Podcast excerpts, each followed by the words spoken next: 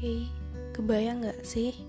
Kalau lo itu lagi ngerasa ingin banget cerita ke orang mengenai semua hal yang lo rasain, yang lo alamin, tapi ternyata enggak ternyata sih, tapi lo merasa tiba-tiba kayak tidak punya tempat atau tidak punya orang atau teman untuk menceritakan segala keluh kesah lo.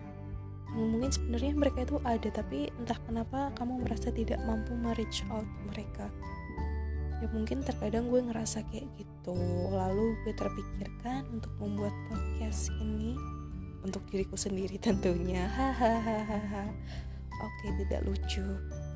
Tapi ya mungkin aku akan menjadi teman untuk diriku sendiri. Halo.